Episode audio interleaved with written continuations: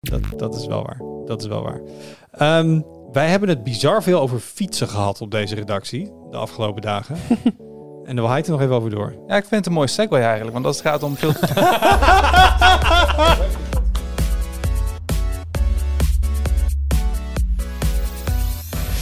Hoi, leuk dat je luistert. Welkom bij een nieuwe aflevering van de Tweakers Podcast. Mijn naam is Wout en vandaag zit ik om tafel met Heid Hugo, Hallo.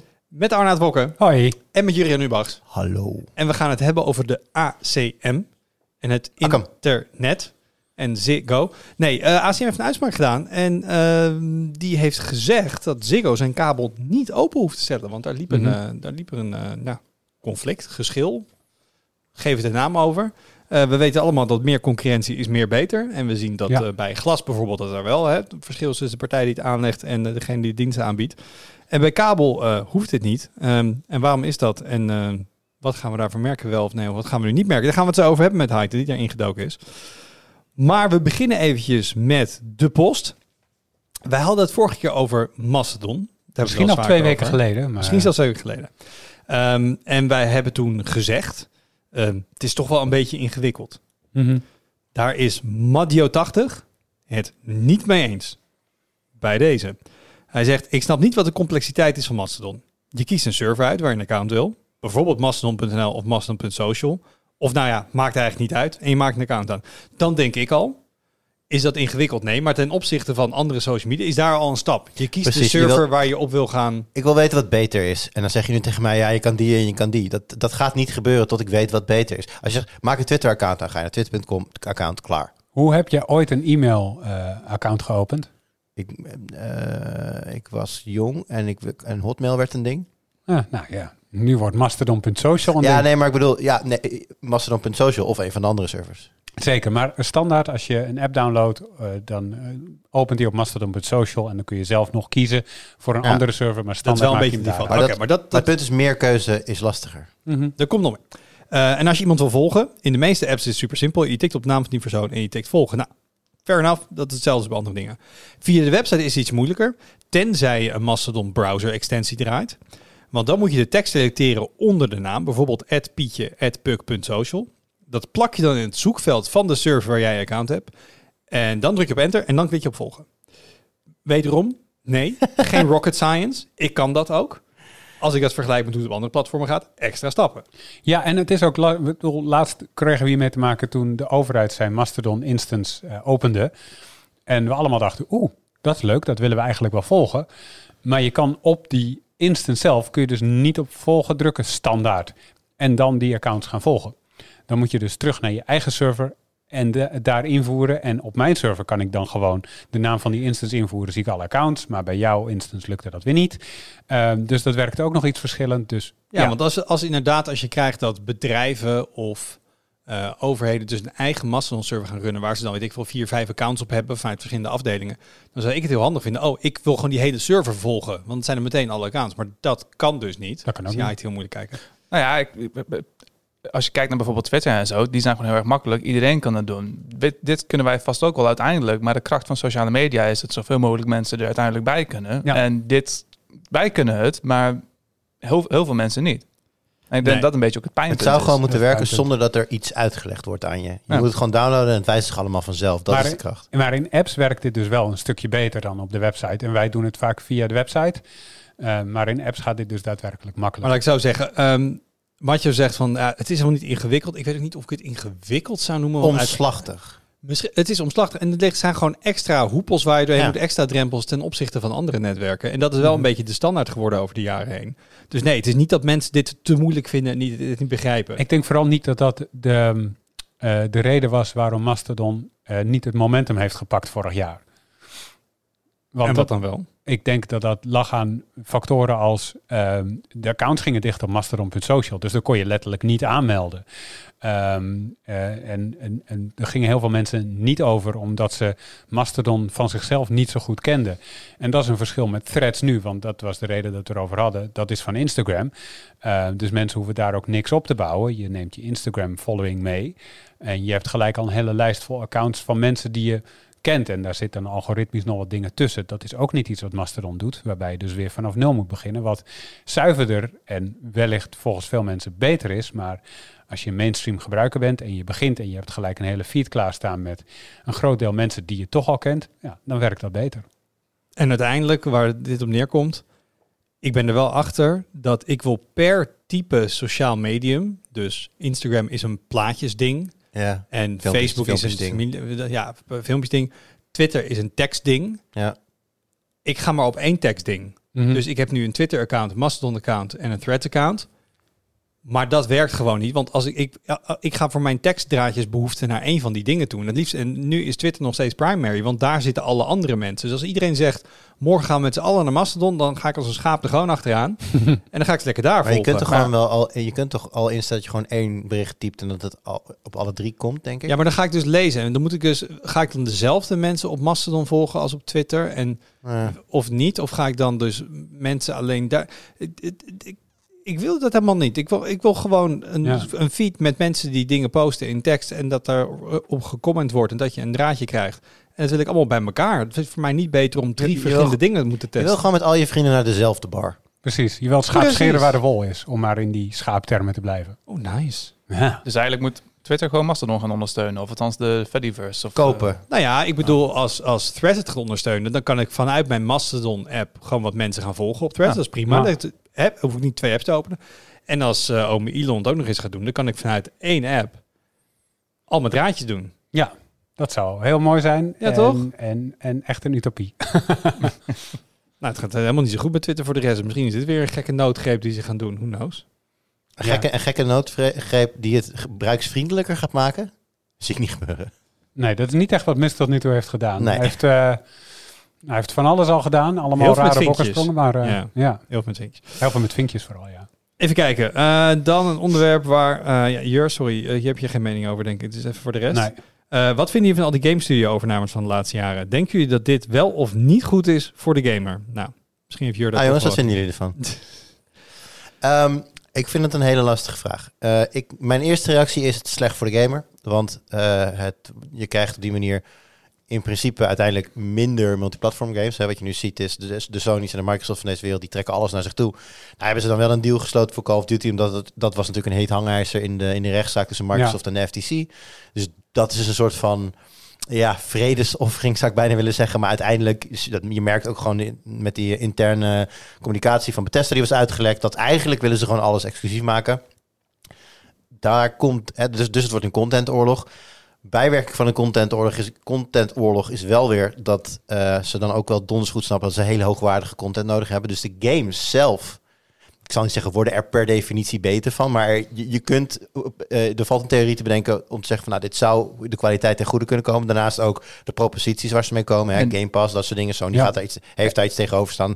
Dat zal el- elkaar gaan concurreren. Kijk, de keuze voor een platform wordt nog belangrijker op het moment dat alle games, en alle is natuurlijk nu gechargeerd, hè, want je hebt nog zat eh, vanuit EA en Ubisoft, er zijn nog zat multiplatform games, maar stel dat dat steeds meer achter de, hun muurtjes komt, dan wordt de keuze waar je op gaat spelen wordt nog belangrijker. Ja, en dat zien Microsoft en Sony ook. Dus die strijd wordt alleen maar harder. Dus op zich de propositie die zij gaan bieden aan hun klanten zouden eh, positiever kunnen worden, zouden aantrekkelijker kunnen worden. Dus Ja, dat zou je kunnen verwachten. Maar de eerste game die is uitgebracht sinds de Bethesda-overname, die werd niet bijzonder goed ontvangen. Ik ben even de naam kwijt. Redfall. maar- ja, Redfall. ja, oké, maar dat is misschien ook een beetje, ook een beetje vroeg nog. Denk ik, voor die, en, ja, dat is wel Ja, van, fair enough. Wel van, wel, van Arcane. Nou ja, het was van Arcane. Wellicht in oudere tijden hadden ze meer tijd gekregen voor die game. Hadden ze meer polish kunnen doen.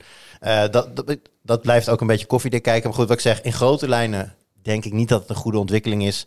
eh, dat je een paar megalomane gamepartijen op de wereld krijgt. En voor de rest, eh, ja, wat, wat kleiner spul. En dan noem ik EA even kleiner spul. Ja, want wat is er nog over? Want ik bedoel, de Activision, nou ja, ze moeten nog de puntjes op de i zetten, maar is bijna van Microsoft. Ja, Welke, welke partijen zijn er nu nog over, behalve echte indies? nou ja, van de grote partijen heb je sowieso Electronic Arts nog. Die, Embracer. eh, zeg je? Embracer. Ja, dus dat, dat, dat is een verzamelnaam voor heel veel verschillende uitgevertjes. Ja, nee, nee, Embracer, dat is toch ook één bedrijf? Ja, oké, maar welke labels dan? Want ik ken meer de labels dan zeg maar de, de geldschietende moeder. Maar kijk, Be- Bethesda was natuurlijk of- officieel van ZeniMax. Dus Eh, ik- ja. Maar we hebben EA, we hebben... maar volgens mij hangt Square Enix hangt daar denk ik onder. En, eh Ah. eh, hebben Ubi. Nee, Square Enix niet trouwens. Ehm, nou goed, maakt, maakt verder niet zo uit. Square Enix heb je nog. eh, Ubisoft is nog los. Eh, EA zei ik al. Eh, Warner Bros. is nog steeds los. Paradox. Eh, ja, is niche, klein. maar, Playon ja. heeft een... Volgens mij zit Playon onder Embracer. Maar dat, dat heeft, eh, heeft nog een heel aantal dingetjes. Dus er zijn nog best wel wat bedrijven die, die, die, die weer zelf dingen doen. Genoeg voorlopig. Maar ja, het is, het is wel wachten op de volgende deal. Want eh, Activision Blizzard is natuurlijk een gigantische partij... met Call of Duty, met alle Blizzard-titels. hè, World of Warcraft, Diablo, et cetera. Ja, het is nu wachten tot... eh, vol- volgens mij is het publiek geheim dat Yves Guillemot van Ubisoft... al meerdere keren in de etalage is gaan staan met zijn bedrijf. Zo van, jongens, eh, wie wil ons hebben? nou ja, daar is nog niemand voor gekomen. Maar dat, dat lijkt mij een kwestie van tijd. Ja. Ik ben het gewoon helemaal eens met hier. Niet goed. En gewoon niet doen. Nou, ik ben wel, het, het wordt wel heel interessant. Want we komen natuurlijk ook langzaam in de fase dat hè, de, de, de, de fysieke kastjes die wij nu nog naast onze televisie hebben staan, die worden steeds overbodiger. Dus ja, wat, wat, wat, eh, wat houdt die platform uit elkaar? Nou, het ene kastje is dat kastje, het andere kastje is dat kastje. Dus nu is het nog heel duidelijk van dat is Xbox, dat is PlayStation. Op het moment, hè, stel je even een toekomst voor, misschien pas over 10 jaar, misschien pas over 15 jaar. Dat, dat we die hele kastjes niet meer nodig hebben, dat het gewoon echt een platform is dat gewoon compleet digitaal direct naar je televisie. Ja, hoe reëel is dan die, is dan die, zijn het dan aparte apps, weet je? Dus dan, dan delen ze zoveel met elkaar. Hoe lang blijven überhaupt die twee als grote kanonnen nog naast elkaar bestaan? Of misschien wordt dat zelfs ooit nog een keer één. Ik, zie niet, ik denk niet dat Microsoft zelfs, zelfs Sony snel kopen. Nou ja, maar het is, het, is, het is natuurlijk niet uitgesloten. Sony is echt een console. eh, of het is, Sony PlayStation had echt heel console-minded geweest. Van Microsoft zien we al langer dat ze veel meer kijken naar digitaal, naar streaming, dat soort dingetjes. Dus ik ben, gewoon, ik ben heel benieuwd hoe die, hoe die strijd. Dat, het, het is nu heel erg content-focused, hè, daar gaat deze vraag ook over. Maar er spelen zoveel dingen Ja. in, in de verdere ontwikkeling hiervan, die, die gaan bepalen wie er gaat winnen en hoe de, hoe de gaming scene er over 15 jaar uitziet. Dat gaat veel verder dan wie koopt wie en wie heeft welke, ja, welke franchises. Maar goed, om de vraag te beantwoorden, ik had het liever niet gezien, maar het hoeft niet alleen maar slecht nieuws te betekenen. Check. Ehm, hele leuke suggestie van Echter wel. Of Echter wel. Echter wel. Eh, hij zegt, Thijs heeft in de podcast van 13 juli gehad over het feit dat hij alle verkiezingsprogramma's weer door moest lezen en er niet erg naar uitkeek. En toen opperde de rest van de tafel bij wijze van grap of hij het niet door AI kon laten doen. Maar is dit niet een uitgelezen mogelijkheid om te kijken of AI tot dezelfde conclusies komt als Thijs, door zowel Thijs als AI de verkiezingsprogramma's door te laten splitten? Ik vind het echt een heel leuk idee. ja, ik ook. Hij Volgens zit mij, nu niet aan tafel, maar volgens mij vertelde Thijs net dat hij een gesprek had gehad met een AI en die AI wist niet dat Wubbe ook als een astronaut was. Dus ik zet voorlopig mijn geld op Thijs. Ik Nou zet ja, ook geld op Thijs, maar misschien dat hij met suggesties komt die Thijs daadwerkelijk over het hoofd heeft gezien, waardoor hij eventjes kan gaan herlezen.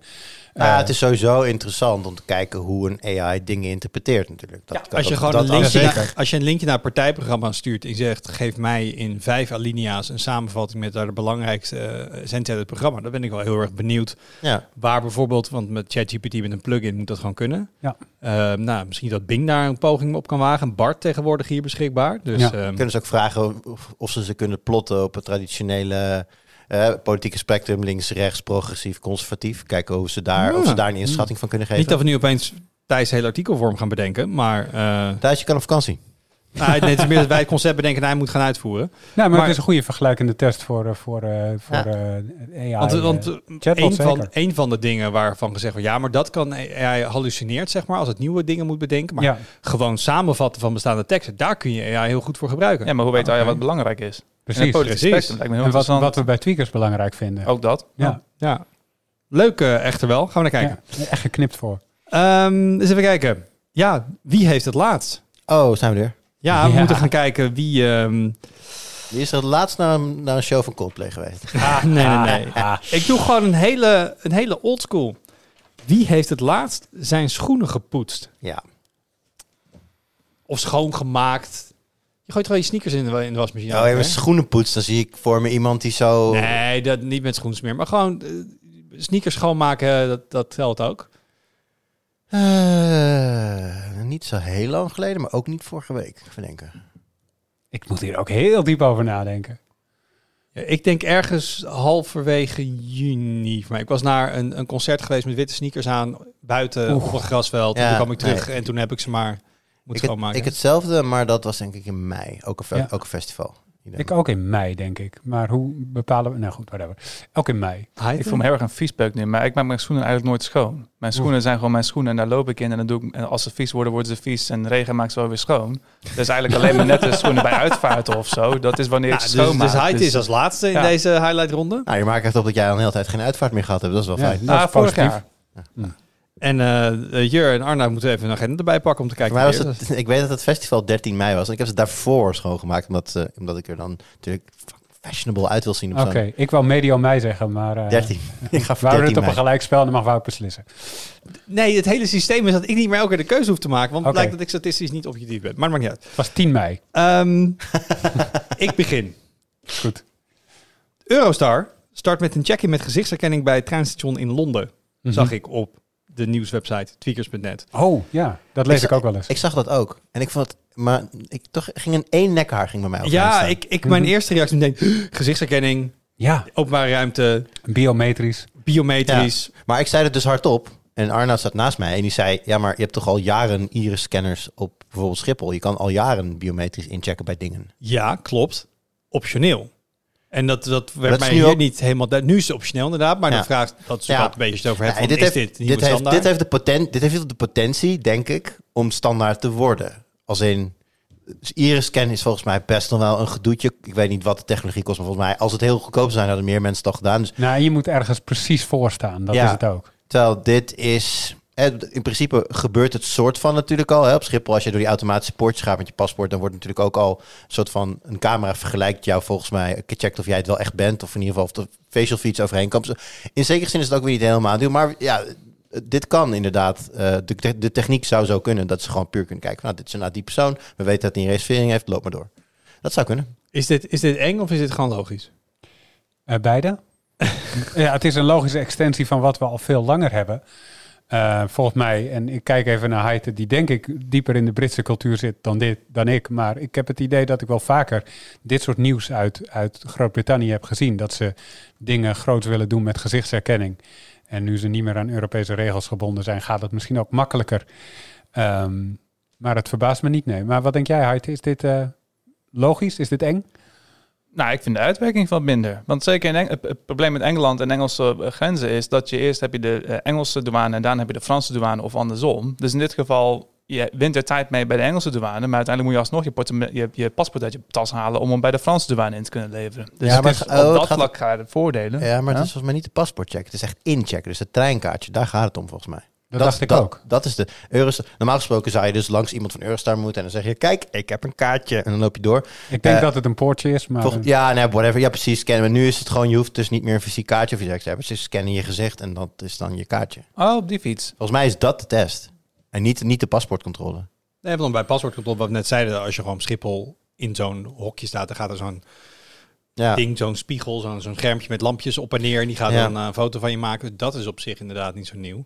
Maar dan moeten ze dus wel jouw gezicht on Ja, file hebben, Kijk, en zeg dat, maar. precies, dat is het verschil. Kijk, op het moment dat jij op Sch- op Schiphol komt, dan stop jij je paspoort daarin. Daar wordt jouw informatie uitgelezen. Dan gaan ze vergelijken van, komt dit overeen met de persoon die in, ons, in onze lichtbalk staat? En dat is dan, hè, dat, dan mag je doorlopen of niet. Maar dit is dus, eh, zij werken, dus de test nu in Engeland werkt met een database. Waarbij Ja. je dus van tevoren je gezicht moet opsturen. Klinkt echt heel luguber als je het zo zegt. Maar eh, ja, Stuur je je, hoofd even op, joh. ja, nee, precies. Dus je, je- z- zij moeten dus inderdaad al een beeldbank hebben waar ze dan jouw gezicht mee, als je dan op het station staat, waar ze dat mee gaan vergelijken. Dus dat, dat, ja, dat is dan wel anders. Dat betekent dus inderdaad dat jouw biometrische gegevens ook ergens opgeslagen staan bij een bedrijf waar we dan weer vraagtekens over gaan hebben hoe ze dat dan beveiligen en dat soort dingen. Maar ik zit even het bericht, want de collega Jannik had het geschreven. Ehm, dus reizigers kunnen van tevoren, via, dit gaat via iProve, dat is een, eh, een extern bedrijf denk ik, eh, je ticket, paspoort en je gezichtscan insturen. Ehm, zodat je langs die paal kan.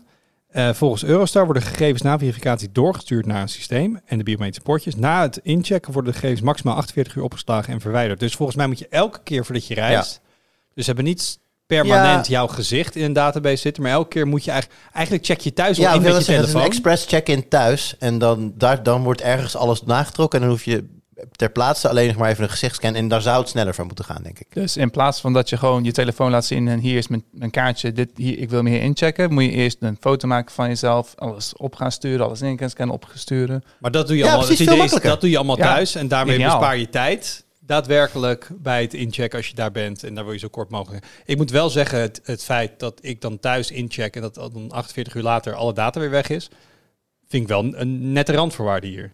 Zeker. Een ijs, dat zou een ijs Want als je namelijk dat bijvoorbeeld zo'n pri- priority check-in op Ja. Schiphol met je iris-scan, voor zover ik weet, word je dan gewoon één keer gescand, ga je een database in, hebben zij gewoon permanent die gegevens van je en Ja. elke keer wordt die dan gematcht. dit vind ik wel iets meer privacy by design dan dat. Ja. Aan de andere kant, het maakt het ook gelijk minder handig. Want Ja, nu moet je elke keer weer die moeite doen Ja. voordat je gaat. Ja, dat doet me wel een beetje denken aan het systeem dat ehm, ja, je- verschillende landen ter wereld kun je makkelijker binnen als je pre-scant. Volgens mij heeft Amerika dat zo. Global entry heet dat Global daar. entry, dat bedoel ik, dankjewel. Dat doet mij dit een beetje aan denken. Maar dat is inderdaad wel gewoon een database die blijft bestaan. En waar je dan één keer Ja. allerlei hoepels door moet. En dan kan je daarna ook daadwerkelijk gewoon heel veel landen een stuk makkelijker binnenlopen. Ehm, dat doet me dit een klein beetje aan denken. Maar dat is precies wat jij zegt, Arnoud. Op het moment dat je gaat werken met een 48 uur en dan wipen we alles. Dat klinkt niet als heel praktisch. Nou, het is meer je, je verwisselt tijd op het vliegveld of op het treinstation voor tijd thuis. En het Ja. idee is dat tijd beperkt is daar. En misschien moet je wel een overstap halen. Je hebt geen zin om lang in de rij te staan. Dus alle tijd die je daar kan winnen, vinden mensen prima. En dat je een keer s'avonds op de bank eventjes je gezicht scant. ik, Ja, dat kost een Zou- paar maar zou je dat niet liever gewoon bewaren voor de volgende keer? En dat je elke keer als je gaat reizen alleen je nieuwe ticket hoeft te uploaden. En dat gewoon je, je details, je, je scan en dat soort dingen. Dat dat als, je gewoon dat, als, je dat dat dat opt-in- gewoon- als je dat opt-in maakt, dat de meest veilige optie is elke keer weggooien. Maar je kan ook zeggen, vinkje maak, aanzetten. maak een profiel Ja. aan en onthoud mijn profiel. Clearview heeft het toch al, dus dan maakt het nou uit of nou één bedrijf meer of minder is. Daarom. Hmm. En heel wat het over Engeland van maakt. Heel eh, Engeland vol met Ja. CCTV-camera's. Ook dat, Dus eh, dat is ook een normale zaak van de wereld. Uiteindelijk wint gemak dit en dat gemak zou dit wel winnen van mijn privacy concerns. Denk ik. Ik, zou, ik zou echt wel een profiel willen opslaan en dan denken van oké, ik hoef alleen maar mijn ticket te uploaden en dan ben ik Het klaar. zou er voor mij heel erg van afhangen hoe vaak ik met die dienst reis. Ik kan me voorstellen dat voor piloten, dat die inderdaad op Schiphol zo'n iris-check doen. Omdat ja, je bent er zoveel. Dat gaat op een gegeven moment helemaal vervelen als je dan in de rij moet staan. Ja, ik vlieg niet heel veel meer tegenwoordig. En ik ben nog nooit met de Eurostar geweest. Dus dan, ja, wat win je er dan echt mee? Dat, je- is, dat is vooral ook mijn vraag. Wat win je er nou echt mee? Want als het alleen maar gaat om een, een, een ticket aanbieden in zo'n machine doen, dan komt er weer uit en dan gaat de poortje open. Dat is al een proces van anderhalve seconde. En dan heb je zo'n gezichtsherkenning. Nou, dan is dat een halve seconde of een hele seconde. Nou, dan win je dus. Ja, maar voor mij, wat, wat ik uit het nieuwsbrief heb, het is ook deels de paspoortcheck hoor. Het is Mm, zeg maar en je ticket, want je moet je paspoort uploaden, je, je ticket en je gezicht. Ja. Eh, maar goed, dus- het, is, het is optioneel. Dus er zijn mensen die dit niet doen. Ja. Die staan, ga ik even aannemen, in een andere rij dan waar ik kom. Ja. Dus als je alle mensen hetzelfde systeem geeft, sta je allemaal in dezelfde rij en die rij is dan lang. Op het moment dat je andere systemen hanteert, krijg je meerdere rijen. Ja. Ga, je, ga je sneller naar binnen met z'n allen, denk ik. Ja. Dus dat zou voor mij al een... Kijk, ik, ik vind de handelingen, oké, zelfs als ik het elke keer moet doen, vervelend.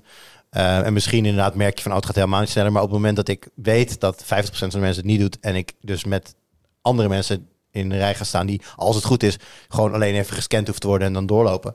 Nou, dat zou voor mij... Ik, ik, hou- ik hou niet heel erg van in lange rijen staan op zich. Dus, Misschien kan je dan, als je daar bent, kan je kijken van staat er lange rij of niet. En dan kan je daar ter ja, plekke daar alles nog alles doorsturen. doorsturen. Nou ja, waarom niet? Als het gewoon Dan wist je je tijd op het station om voor tijd op het station. Ja, Dat precies, Inderdaad, ja. Ik ga eerst maar eens gewoon een stap één keer met de Eurostar naar Londen, want dat, denk dat kan denk ik altijd, oh, dat wil ik nog een keer meemaken. Dat is duur. Eh, Ja. ja, Ik heb, dat wel, het, ik heb dat wel gedaan. het, het, het is inderdaad duur. ik kijk er ook elke keer weer naar en denk ik, ja, maar het is wel heel duur. Dat is echt Ja, zo dan- jammer met treinen. En dan open je die oranje website en dan staat er... je kan voor 19 euro heen en weer naar Londen. Je, ja. Waarschijnlijk om vijf uur s ochtends op, eh, op eh, 19 oktober. Ja, of nee, zo. tuurlijk. Maar het- om van de even, tijd om even aan te- normale tickets gaan dan voor drie, vier tientjes. En dan win je nog niet van de Eurostar. Of, of met de boot. Het is gewoon twee uurtjes vanaf uh, Dover Trein. of Calais. Trein vanaf Calais, autotrein. Kan ook nog inderdaad. Gewoon met de auto daarheen rijden en dan rijden op Dover weer af. Ja. ben je gewoon Ja, dat, dat gaat allemaal niet winnen van gewoon heel snel naar de overkant. Ik ben het met je dat eens. is hè. Wel allemaal een stukje duurzamer. We, we moeten minder vliegen, daar ben ik het helemaal mee eens. Maar het probleem is dat vliegen zo verschrikkelijk goedkoop is. Nog steeds. Met alle toeslagen die we er al op hebben gegooid, slaat nergens op. 100 procent. Yes. Allemaal de treinen toeschrijven. Eh, even kijken, waren je er al uit wie eh, het laatste schoenen had Ja, heeft... eh, ik, ik heb het recenter gedaan dan Arnoud schijnt. Nou, hier wat je highlight. Want hij zei 10 mei. Nou, mijn highlight was vorige week. ehm, we zijn natuurlijk gewend dat er nou, een nieuwe game komt. En er is er ergens in de wereld een heel groot preview-event. En daar vliegen wij dan naartoe, meestal in LA, San Francisco, noem het allemaal maar op. En ehm, zo'n event was er vor- vorige week voor FC24. Oftewel de nieuwe FIFA. FIFA heet Mhm. nu anders. En dat was gewoon in onze achtertuin. In, eh, Ja, dan kon je met de tram eh, naartoe in, de, vliegen. in de Kromhouthal.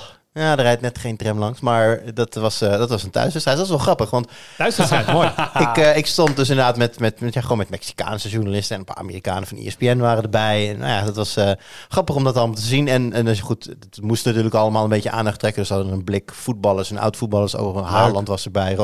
Voor mij was dat Ronaldinho en Figo erbij waren, was voor mij veel belangrijker dan dat Haaland was. Dan toch, dat was mijn jeugd. Dus dat zijn toch, dan blijven er toch altijd een beetje helden, weet je wel. Haaland is een fantastisch voetballer, maar op latere leeftijd heb je niet zozeer dat... De, het heldenverering die je als kind, eh, als kind natuurlijk hebt. Dus dat geen posters aan de muur hangen. eh, nee, nee. Hmm. Vroeger heb ik, had ik vroeger, nee, van deze man heb ik geen poster aan de muur gehad. Maar ehm, nee, dat was, dat was leuk om te zien, maar dat was gewoon opsmuk natuurlijk. Het was wel grappig om te zien dat Haaland tegen een of andere YouTuber ging, ging, ging spelen en dat hij zes keer scoorde met zichzelf. Vind ik dan toch wel knap. Nice. Ja, want mij lukt dat echt niet. Ik vind Haaland in het spel echt een on, on- onbruikbare speler. Maar goed, dat was mijn highlight. eh, in die zin dat ik vond het super tof dat dat hier was. En het was gewoon een leuk evenement. We hebben veel kunnen spelen. Heel erg veel informatie. Nou, dat hebben mensen inmiddels kunnen lezen in de, in de preview op de site. Van 5000 woorden. Ja, en dan vind ik toch wel weer jammer. En je ziet het ook. Ik moet heel eerlijk zeggen, het valt me goed mee bij ons in de rea- reacties. Elders op internet is het wat meer, eh, wat meer aan. Maar het moment dat ze aankondigden dat er dus eh, vrouwelijke spelers geïntroduceerd worden in Ultimate Team, die je dus gewoon kunt mixen met mannelijke spelers in je Ultimate Team. Ja, dan weet je gewoon al van tevoren wat er gaat gebeuren op internet. Internet bij internet. Dus ja, ik heb het. Mensen zijn dol enthousiast daarover. Mensen zijn dol enthousiast, gelukkig wel, maar helaas niet allemaal. Hmm. En er zijn, en nou goed, het, het kritiekpunt dat er dan is, eh, is de vrouwen die zijn ehm, gerankt, die, die krijgen een bepaalde eh, rating mee in het spel, afgezet tegen hun oppo- opponent in het echt. Dus de beste vrouw krijgt ook gewoon een rating van in de 90, want dat is de beste vrouw van de wereld. Dus die speelt in een team met mannen die ook soortgelijk gerankt zijn. Dus de beste vrouw van de wereld kan prima een duel gaan uitvechten met Virgil van Dijk bijvoorbeeld. Ja, en het punt wat dan gemaakt wordt, dat zou in het echt nooit kunnen. Nee, dat klopt. In het echt eh, oefenen de, de, volgens mij de Oranje Dames, die hebben geoefend tegen eh, amateurs uit de derde of vierde divisie. En die verliezen dan dik. Gewoon omdat dat verschil in fysiek zo groot is. Dus nee, je hebt helemaal gelijk, dat kan niet. Maar volgens mij kan je ook niet per se Johan Cruijff en Lionel Messi in één team stoppen. En dat kan echt al jaren in Ultimate Team. De- en dit is toch geen voetbalsimulator? Het is toch een spel? Nou ja, kijk, mensen willen.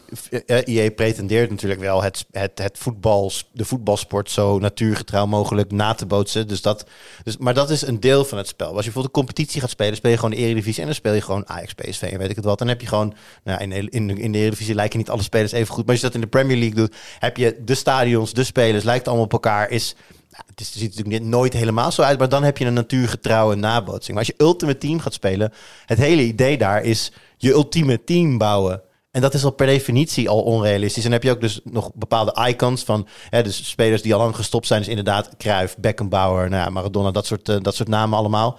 Die kun je dan allemaal daarin gooien. Volgens mij houdt, alle, al- houdt al het realisme daarbij op. Ja, en dat daar nu dan dus ook Lieke Martens en weet ik het wat allemaal daarbij komen. Ja, weet je, al- leuk. En als je het niet leuk vindt, doe je het niet. Ik, Zonder ik het- vind zonder het een hele grote lekker boeiend dit. Ja, nee, maar zonder het voor die mensen op te nemen.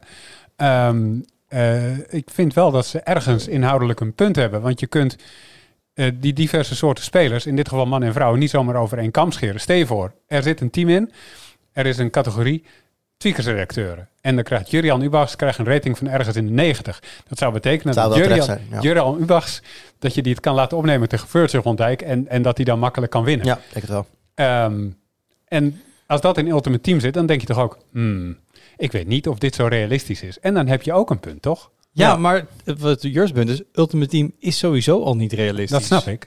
Dus, en is het ultieme realisme en, en de realiteit naar bootsen hier? Ik denk alleen maar, it's a game.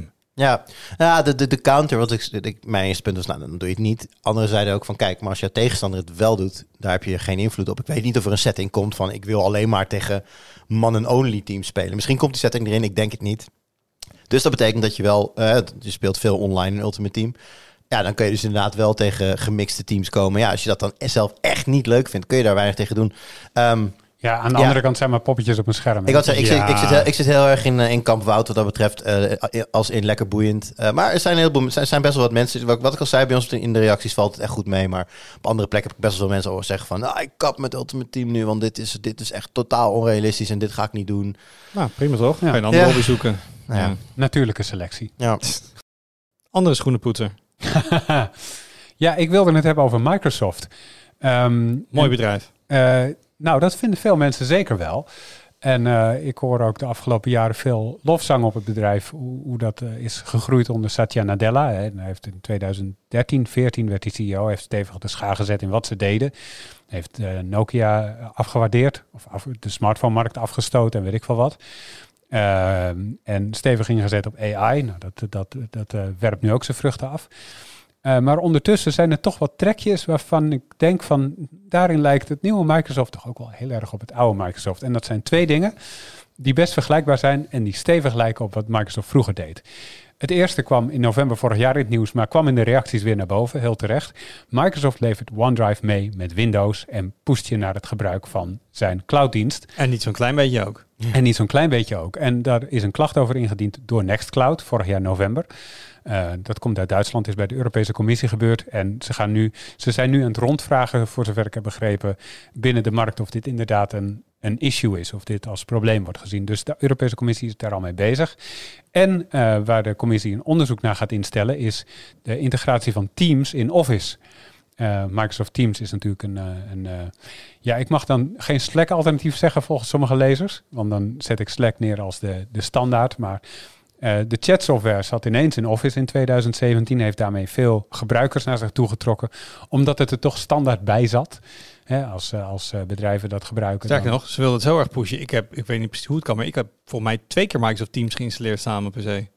Echt waar? Er zijn twee verschillende Windows clients volgens mij. Je hebt de meegeleverde versie en de losse versie. En hoe werkt dat dan als je een Teams oproep zou krijgen? Geen flauw idee. Ik gebruik het ook zo min mogelijk. En uh, is, die, is die andere Teams client nu in de kamer met ons? Of?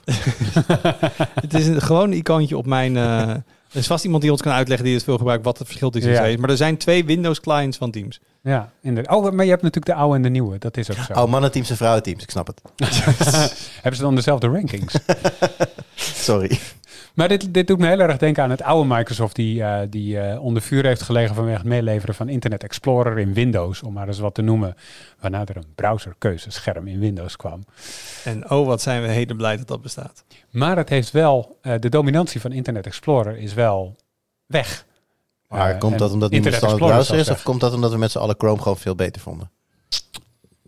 Beide. En als je naar google.com ging, dat je dan Chrome opgedrongen kreeg. Ja, dat ook. Ja, want Google doet in feite ook in, op veel plekken hetzelfde. Maar ik vond dit, ik vond dit zo'n opvallende samenloop van dingen dat ik dacht van even peilen hoe dat bij jullie zit. Hoe zien jullie dit als trekjes van het oude Microsoft wat nu de kop opsteekt? Of is dit, is dit gewoon ik standaard vind het, het, meelever, het meeleveren van software niet een ultiem des Microsofts ding. Ik bedoel, het is gewoon de standaard dat als jij een operating system maakt vandaag de dag, dat er gewoon dingen meegeleverd worden. Ik bedoel, als ik een Android-telefoon heb en of ik ben een OEM die een Android-telefoon wil maken, dan moet ik ook bij Google een krabbel zetten dat er allemaal software meegeleverd wordt. En als je een iPhone... Dat mag, dat mag uh, officieel ook niet meer. Je mag nu nee zeggen. Uh, maar het is wel zeg maar de normaalste zaak van de wereld. En ja. uh, Ubuntu levert ook gewoon dingen mee. En uh, iOS levert ook gewoon Safari mee. En heeft ook, ook, iCloud. En dan zegt Apple, ja, maar we zijn niet zo groot als Microsoft. Andere regels. Maar in principe doen ze ook gewoon allemaal een koppel meeleveren van ja. software. Ja, het gaat dus juist om het gebruiken van een dominantie op de ene markt. Om een positie te krijgen op de andere markt. En dat is, dat is waar dit denk ik misgaat. Want welke positie zou Microsoft hiermee, als we hebben over Office en Teams? Teams is al wel vrij ze wilde, groot. Ze wilde Slack kapot maken. Ja, maar Teams is toch veel meer dan alleen maar Slack? Teams is toch ook voornamelijk een video, bellen. Ja, dat ja, is okay, ik nee, maar het is, het is daadwerkelijk, maar ze hadden geen dus positie op zoom, die markt. Zoom kapot maken. Precies. Ja. Ze hadden geen positie op die markt en die hebben ze zich nu wel verworven en ze hebben honderden miljoen gebruikers ermee. Dus het heeft ook daadwerkelijk geholpen. En dat kan alleen maar omdat ze niet vanaf nul hoefden te beginnen, maar omdat ze dat in Office hebben geïntegreerd. Wat er natuurlijk ja, maar dan kan niet je, in. Dan kun je toch ook zeggen dat, dat, dat Apple op de browsermarkt met Safari nooit positie had verworven als dat niet de standaard browser was op Apple systeem, als er niet Ja. browserkeuzescherm of iCloud voor je storage en dat soort dingen. Ja, Dus ik vind het niet maar Apple heeft geen 23 dominante positie op de markt voor, op welke markt dan ook, behalve op de markt voor iPhones. Ehm, maar op andere niet markten ja, niet. ik weet niet. Dat, en dan krijg je een soort discussie van wanneer is het dominant. Maar in de VS vind ik de iPhone redelijk dominant te noemen. Ja, maar daar doen ze er weer niks aan. Maar is Teams zo dominant dan? Want dat gevoel krijg ik. Ja, NS1, want wij Nee, gebruiken Office. geen... Als, als, als kantoorsoftwarepakket was op dat punt in 2017 nog best wel dominant, ja. Op het moment dat, dat Teams eh, meegeleverd werd. En op desktop besturingssystemen met OneDrive. eh, OneDrive was en is niet dominant. Want je hebt Dropbox en je hebt eh, allerlei andere alternatieven. Ehm, maar Windows als desktop besturingssysteem heeft wel degelijk het grootste marktaandeel. Ja, en daar maakt Microsoft gebruik van door daar OneDrive in te stoppen en dat de hele tijd voor je neus te, te, te zetten. En tada, ze hebben ineens een positie verworven op de markt voor webopslag. Ja, ik vind het moeilijk, want ik ben daadwerkelijk klant. Ik betaal voor 365, hoe het tegenwoordig ook heet. Dus ik vind het moeilijk om een oordeel over te hebben. Want voor mij betreft alleen maar meer, want ik gebruik het. Dus eh, ja, En maar wat- mijn punt is, ik vind het niet destijds iets wat heel erg, of ik vind niet per se iets wat heel erg bij Microsoft past. Net zoals Mhm. destijds, voor mij is dit gewoon redelijk standaard gedrag en heeft de EU ze altijd in het vizier gehad. En was het ook Ja. misschien wel weer een klein beetje wachten tot ze weer een slippertje maakten en dan konden ze weer bovenop duiken. En nogmaals, ja, eh, vanuit de concurrentiecompetitie, eh fair enough. Misschien is dat wel goed dat ze dat weer doen. ja. Ehm, ik vind ergens wel dat hele onderscheid zit ook in de, de, de DSA en DMA natuurlijk. Van ja, weet je, als jij heel groot bent, dan mag je allemaal dingen niet. En als je klein bent, is het allemaal oké. Ehm, vind ik af en toe gewoon lastig. Ik snap dat de impact daardoor anders is. Maar het is een beetje arbitrair van, van oké, je hele bedrijfsvoering is geweldig. Oh, wacht. Je, bent nu, je hebt nu zoveel gebruikers, of je hebt nu zoveel marktaandeel. Nu is het opeens niet meer oké. Ik vind het eigenlijk een soort van gelijke monniken, gelijke kap. Dat je ook als je al kleiner bent, dat het ook niet goed is als je allemaal koppelverkoop doet en dat soort dingen. Dan zou je eigenlijk gewoon dat gelijk moeten trekken. Ik probeer nu een voorbeeld te verzinnen waar je waardoor je het absoluut, eh, waardoor je een andere kant gaat zien. Ik ga het gewoon proberen. Stel je voor, eh, de Europese Commissie vindt tweakers zo dominant eh, dat de koppeling met de PriceWatch niet standaard meer mag. Anderen mogen daar inpluggen, zodat we producten laten zien met meerdere prijsvergelijkers. Zou je dat terecht vinden? Dat doen ze niet, want we zijn te klein. Zo dan. we zijn nog te klein, hè? We zijn onderweg. Daar heb ik echt geen antwoord op. Dat is echt zo'n Nee, ding waar ik eventjes goed over zou moeten nadenken of ik daar wat van vind. Ja. Nee, ik probeer even een voorbeeld te verzinnen wat heel dicht bij huis is.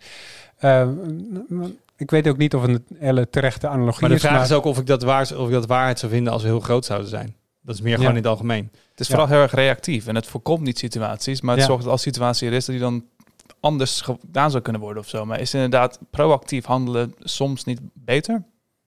Ja, dus je zou denken dat er dan een Europese regel moet komen dat als je eenmaal een, een, een pakket software hebt of een besturingssysteem, dat je daar geen dingen aan mag toevoegen waarmee je een nieuwe markt betreedt. Of dat je dus heel makkelijk moet maken eh, dat je er ook een soort drop-in replacement, dat andere partijen er ook op kunnen inhaken. Ja. En, en bij een nieuwe functie dat je een keuzescherm krijgt tussen diverse alternatieven, Ja. waaronder dat van jezelf. Jongens, keuzeschermen, Ja. AVG-pop-ups, eh, het heeft de wereld alleen maar beter gemaakt. ja, Ehm, nou, we begonnen deze aflevering al bijna met keuzes maken dingen ingewikkeld. Dat geldt misschien hier ook wel een beetje voor. Nee, dat, dat is wel waar. Dat is wel waar. Ehm, wij hebben het bizar veel over fietsen gehad op deze redactie de afgelopen dagen. en daar wil hij het er nog even over door. Ja, ik vind het een mooi segue eigenlijk, want als het gaat om veel te kiezen hebben, bij, ja, bij Van Moof heb je niet veel te kiezen. Als je fiets stuk is of wat dan ook, ja, dan moet je bij Van Moof aankloppen. Of althans, moest je bij Van Moof aankloppen, Ja. want dat kan niet meer. Ja, Ze zijn failliet, officieel. Dat hing al een beetje in de lucht met uitstel van betaling en dergelijke, maar eh, toch vrij snel eigenlijk officieel geworden. ja. Het, eh, ja, het Maar, is- maar voor de mensen die nu luisteren en denken, die, die niet in de regio van Amsterdam wonen en denken, van Moof, stomme hipsterfiets uit Amsterdam. Wat, wat, en waarom, ik luister naar de Tweakers podcast. Ehm, lekker boeiend. Maar Nou ja. uiteindelijk kun je denk ik een case maken dat, dat van Moof fietsen, ja, ze hebben twee wielen en een stuur en het is een fiets, maar het is ook gewoon een half, halve computer en een techproduct. Ja, voornamelijk heel erg geïntegreerd met de smartphone-app. Je kan, het is zelfs omslachtig, zou ik willen zeggen, om die fiets van het slot af te halen zonder dat je die app hebt. En die app die werkt straks mogelijk Want ik, waarschijnlijk ik heb vermoedelijk misschien niet meer. eventjes eh, een, een, een snelcursus van Moof voor mensen die hier... Hier, heb jij een van Moof? Nee. Heb jij een van Moof, Aiten? Nee. Arnaud, heb jij van Moof? Nee, ik heb een e-bike die niet met de cloud verbonden We is. zijn allemaal van Moof noobs. Nou. Eh, dus hoe, hoe, wat kun je met die app en wat, wat voor functionaliteit zit daar aan vast? Je kan onder meer je, eh, fiets eh, ontgrendelen, van slot halen. Je kan, eh, in, in, je kan zien waar de fiets daadwerkelijk staat. Je kan er de versnelling mee aanpassen. Je kan de motorondersteuning mee aanpassen als het een e-bike is. Je kan er statistieken mee vergelijken van... oh, ik heb zoveel gefietst vandaag en zo snel, la la la, la. Je kan je fietsbel aanpassen. Je kan de automatische verlichting aan of uitzetten. Eh, en dat kan, al die dingen kan je niet als je die app niet hebt. eh, kan wel, maar ik, ik heb, ik heb een, een collega van ons heeft een van Moof. Daar heb ik even mee rondgefietst en ik begreep er helemaal niks van. Maar eh, dus ik, ik was heel blij dat ik die app had, want ik zag knoppen met, met, met geen informatie erbij. En een raar klein schermpje op je stuurstang met wat stipjes dat dan een scherm zou moeten zijn. Van die hele grote pixels, zeg maar. Het was heel design, voelde het allemaal maar niet heel erg praktisch per se. Maar het, het kan zonder app, maar ik had niet het idee dat je het zonder app zou willen. Oké, maar als het bedrijf dus failliet is, is het vraag 1, doet die app het nog? Vooralsnog wel. Vooralsnog wel. Vooralsnog wel. Ja, je kan er gewoon inloggen, je kan hem gewoon verbinden aan je telefoon. Alles werkt vooralsnog. Want De servers zijn nog online. de servers zijn nog online. Ja, en het is inderdaad nog maar de vraag hoe lang die servers online blijven, Maar- online blijven en wat je daar dan nog aan die app hebt zonder. Weten we dat, als nu de servers offline gaan, wat je dan niet meer kan? Eh, nou ja, dan zou je waarschijnlijk niet meer kunnen inloggen met je app op een nieuwe telefoon bijvoorbeeld. Of als een wat voor reden ook uitgelogd bent. Of als je een nieuwe, fiets wil koppelen of zo. Dat zal dan niet meer kunnen. Eh, en En kan ik hem dan van het slot halen of is die dan gewoon een, een Dat kan wel, dat kan wel. Je kan, eh, want het werkt met privésleutels en een Bluetooth-verbinding tussen de fiets en telefoon. Dus hij zou op zich zonder internetverbinding moeten kunnen werken. Maar Van Moof zegt wel, die internetverbinding is soms nodig om die sleutels te verversen of zoiets zeggen ze. Dus het is een beetje, ze zijn een beetje vaag over hoe, hoe lang die app nou gebruikt zou kunnen worden zonder internetverbinding. Ja, want die key is straks op een gegeven moment outdated. En dan is even de vraag wat dat systeem gaat zeggen. Of je een nieuwe key moet halen, anders doe ik het niet. Of Ja. dat je gewoon voor altijd dezelfde key houdt. Wat ook niet per se heel veilig is. Maar dat is beter dan hem niet kunnen gebruiken. Over Ja, keys Want je gesproken. kan, er is wel een backup optie om hem zonder app ook te kunnen ontgrendelen. Maar dat is zo omslachtig dat dat, dat zou... Of nou ja, dat is heb je, dan heb je zo'n ijzeren ding nodig. Die steek je dan in een gaatje, draai ik, hem om. ik Ja, wou net zeggen, kan dat? Is er een optie gewoon, ik ben een noob hoor, maar voor een fysieke sleutel bij een vermogen, is zit er ergens gewoon een sleuteloogje waar je een sleutel in stopt? Oudere Van Moof volgens mij wel, maar niet op de huidige moderne nieuwe Van Moof. Zover ik weet kan het alleen met of de app of met een backup code. En je kan het slot ook niet zomaar afslijpen, want het zit in de naaf. Dus dan moet je eigenlijk het hele velg eruit halen en een nieuwe, nieuwe wiel in doen. Maar dan heb je ook geen e-bike meer. En die backup code, want daar hebben we het nu al een paar keer over. Ja. Dat, dat werkt dus met een knopje aan het stuur. Met aan één de, knop. Één knop aan de linkerkant en dan heb je bijvoorbeeld een code. Nou, stel je voor dat is 141. Dan druk je één keer, wacht je even, zegt hij biep. Druk je vier keer, zegt hij biep. Druk je nog een keer één, zegt hij biep. En dan gaat hij van het slot. Ah, dat is lekker eh, vlotjes. Als je dat is heel 141 hebt wel, moet je niet 989 hebben. Nee. Ik denk dus ook dat veel van MOVE-eigenaren iets met heel veel enen hebben. Ja, dat denk ik ook. Gok ja. ik. Ja, zeker vanaf nu. En, ja, dus als je hem van, van Moof wil stelen, de code is vrij makkelijk mogelijk. Hmm. Trouwens wel, ik vond het wel echt een, eh, een gouden zet dat concurrent Cowboy dus een app heel snel heeft gehacketond, eh waarmee je dus je een backup kan maken van je Van. Dat is echt, dat, dat, daar kan voor mij geen PR-campagne tegenop. Ja. Ook daarbij is overigens de vraag of die ook niet gewoon gebruik maakt van de Van Moof servers en de Van Moof servers. En op een gegeven moment dus ook niet meer werkt. Maar goed. nou ja, Cowboys zou natuurlijk nog in het, in, de, in het meest positief gewoon kunnen zeggen... wij nemen die service wel over. Sterker nog, dat zou prima kunnen dat ze nu in gesprek zijn, as we speak, Ja. over een overname. Dat zou helemaal niet een gekke gedachte zijn. Nee, maar met de kanttekening dat Cowboy niet eh, eh, eh, oneindig veel geld heeft. Ja. Maar eh, dat zou kunnen. Ja, dat zou Ja. wel een goede move van ze zijn op dat vlak. maar als, nou ja, in de zin van voor als je Van Moof... eh, een goede van move. Of goede van move, precies. Maar dan nog, als Van Moof fietser heb je nog steeds een probleem. Want als je accu stuk gaat, dan had je ook bij Van Moof moeten zijn. Of als er iets Ja. anders stuk gaat. Kijk, eh, een nieuwe band of een rem repareren, dat kan een lokale fietsboer misschien nog wel. Maar Die remmen zijn volgens mij ook gewoon eh, proprietair. ja, dat, Ja, los de vraag af in hoeverre de lokale fietsboer heel erg fan is van Van Moof. En of ze daar wel zin in hebben om dat voor je te doen. Nou, als je genoeg geld tegenaan ja, oké, maar dat is het ook. Ga jij een band laten plakken voor 100 euro bijvoorbeeld? Nee, maar het gaat ook om het, het hebben van de onderdelen. Ja, En dat, die nee, echt, onderdelen. echte, die- volgens mij is dat ook het grote ding. Het e- echte reparaties kunnen gewoon nu niet meer. Volgens mij was het QuickFit die Ja. je al aan, die hadden dan een, een, een zeker voorraadje van Moof, maar die zeggen geven nu ook al aan van nou, ons voorraad is nu ook op. Even, even een paar stappen terug. Oh, sorry. Oké. Gaat Ja. te hard voor Wout. Zijn we niet gewoon te ver doorgeschoten met het fenomeen fiets? Nou, ik- hou- nee, ik niet. Ik, ik hou ook van innovatie en dingen handig met een app en mooie dingen wegwerken en zo. Maar Maar wat vind je te ver? Als in, vind je e-bike aan zich een slecht idee? nee, nee, nee, maar je kan gewoon een. e- Maar het feit dat ik zou graag e- e-bikes zijn awesome. Maar ik, je kan gewoon vroeger met elke fiets en elke fietsenmaker en het was allemaal zo gestandardiseerd dat kon iedereen, je kon er zelf aan sleutelen. Eh, het was een beetje als zeg maar de, de open source software, maar dan een fiets. Ik bedoel, iedereen snapt wat het is, kan onder de motorkap kijken, kan ermee uit de voeten, je kan de onderdelen vervangen. En Van Moof ging het allemaal proprietair maken. Ze gingen alles zelf in huis ontwikkelen. Was hartstikke moeilijk met reparatie, hartstikke moeilijk met onderdelen krijgen. Nu afhankelijkheden van de cloud. Dingen als je kan niet meer normaal met een sleuteltje wat doen. Goh, aan welke autofabrikant doet dit je denken? Ja, Ja. Oh, ik Ja, wil er nog tegen inbrengen. Ben je nu niet diegene die 15 jaar terug zei... een smartphone, kan je er ook mee bellen? Maar wat maakt, wat maakt het, het Van Moof concept beter dan een e-bike waar je wel misschien meer met gestandardiseerde onderdelen werkt, zodat je wel naar een normale eh, fietsenmaker kan en waar je misschien zonder cloud servers. De coolheidfactor. Maar dat is toch, Nou ja, het, is, maar- het is toch hetzelfde als vragen... wat maakt een Tesla beter dan een elektrische auto van een gerenommeerd automerk? Ik denk dat het goed zou zijn als eh, sowieso voor, voor al die elektrische auto's, als er meer gestandardiseerde onderdelen gebruikt worden, en dat je dan ook ehm, bij meer plekken terecht zou kunnen. Helemaal eens. Ik zeg ook niet dat, dat Ja. die kan Ja, Tesla Het daarmee is wel het enigszins ook vergelijkbaar met bijvoorbeeld een Google of een Apple die zegt, wij willen die sok willen we niet meer van wie dan ook hebben, die willen we zelf maken, want dan hebben we zelf de controle over ten eerste de in- inkoopprijzen, maar ten tweede ook, dan weten we ook wat voor technologie erin zit en kunnen we veel betere software ontwikkelen voor die technologie die wij aan onze eigen apparaten hebben. Hetzelfde kan je ook over een Cowboy of een Van Moof zeggen, die hun eigen hardware willen ontwikkelen, waardoor Ja, zij... behalve dat het bij Van Moof gewoon overduidelijk niet lukte. Het heeft ook kanttekeningen. Dat de kwaliteit erbarmelijk was. Nou ja, de kwaliteit, dat maakt het niet uit of je dat zelf ontwikkelt of de kwaliteit kan altijd erbarmelijk zijn. Nou ja, in die zin, als je het zelf hebt ontwikkeld... kan je niemand boos aankijken en geld terugvragen... op het moment dat je ergens hebt ingekocht en het faalt massaal... dan is er waarschijnlijk ergens een regel in een contract... waardoor jij een hele flinke schadevergoeding kan claimen. En dat ze best wel goed kunnen gebruiken nu. Fair. Ja, en ergens die vergelijking tussen een auto en een fiets. Ik, bij een auto, ook als het niet een Tesla of iets anders is, heb ik toch al zoiets. Dit is sowieso te ingewikkeld voor mij om persoonlijk iets mee te kunnen doen. En het fijne aan een fiets vind ik, ik kan aan een fiets sleutelen. En dat vind ik fijn om een van de redenen. En leuk, het idee van ik kan dit zelf repareren indien nodig. Ehm, Ja, maar een auto kan je ook zelf repareren indien nodig. Mijn eigen auto die is nou 20 jaar oud en ik kan bij elke garage nee, ik- langs om te repareren. Maar een ik Tesla kan kan dat ook Ik niet. kan dat niet, persoonlijk.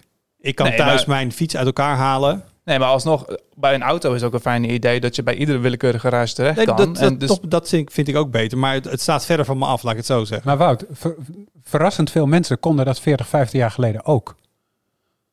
Hun Ja, eigen auto repareren. Want toen waren de auto's vele malen makkelijker dan Nee, nu. dat is waar. ik repareer mijn eigen fiets trouwens ook niet, maar dat tezijde.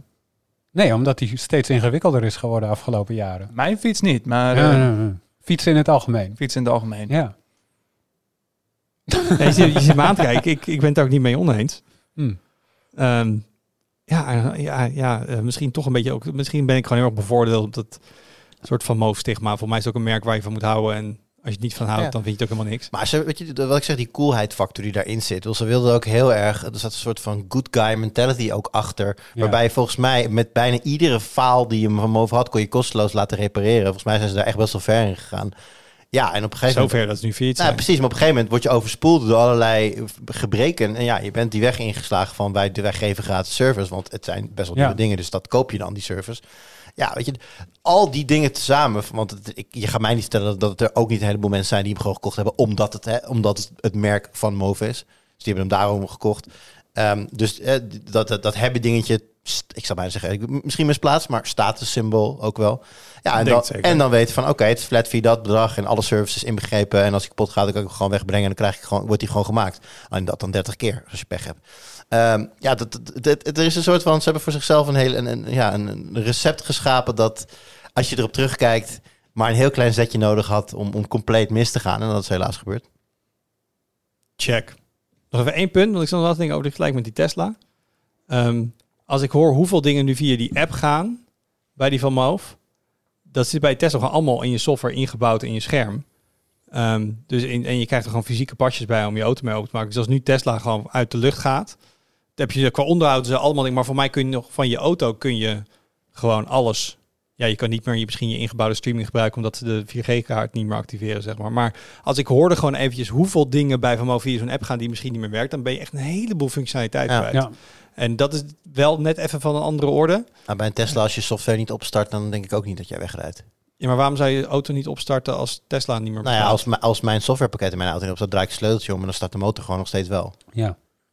Dus dat is op zich... Nee, maar hij heeft, dat, die auto gelijk. heeft geen cloudverbinding nodig om gewoon weg te Nee, dat rijden. weet ik wel. Maar op het moment dat zeg maar, het- softwarematig het techdeel je in de steek laat, dat bedoel ik meer. Het is, het is wel echt een techproduct. Nou, 100 procent. Ja. En daar, daar verschilt het met normale, met normale tussen auto's. Want die worden natuurlijk steeds... de- wat normaal is, is aan het verschuiven uiteraard. Maar normale auto, die duw je gewoon van een berg af en dan eh, start je hem gewoon zodat hij aan het rollen is. En voor de duidelijkheid, ik, vind, ik ben het helemaal met je eens over die cloud-afhankelijkheid. En ik hoop ook dat andere fietsfabrikanten zich achter de oren krabben en kijken van...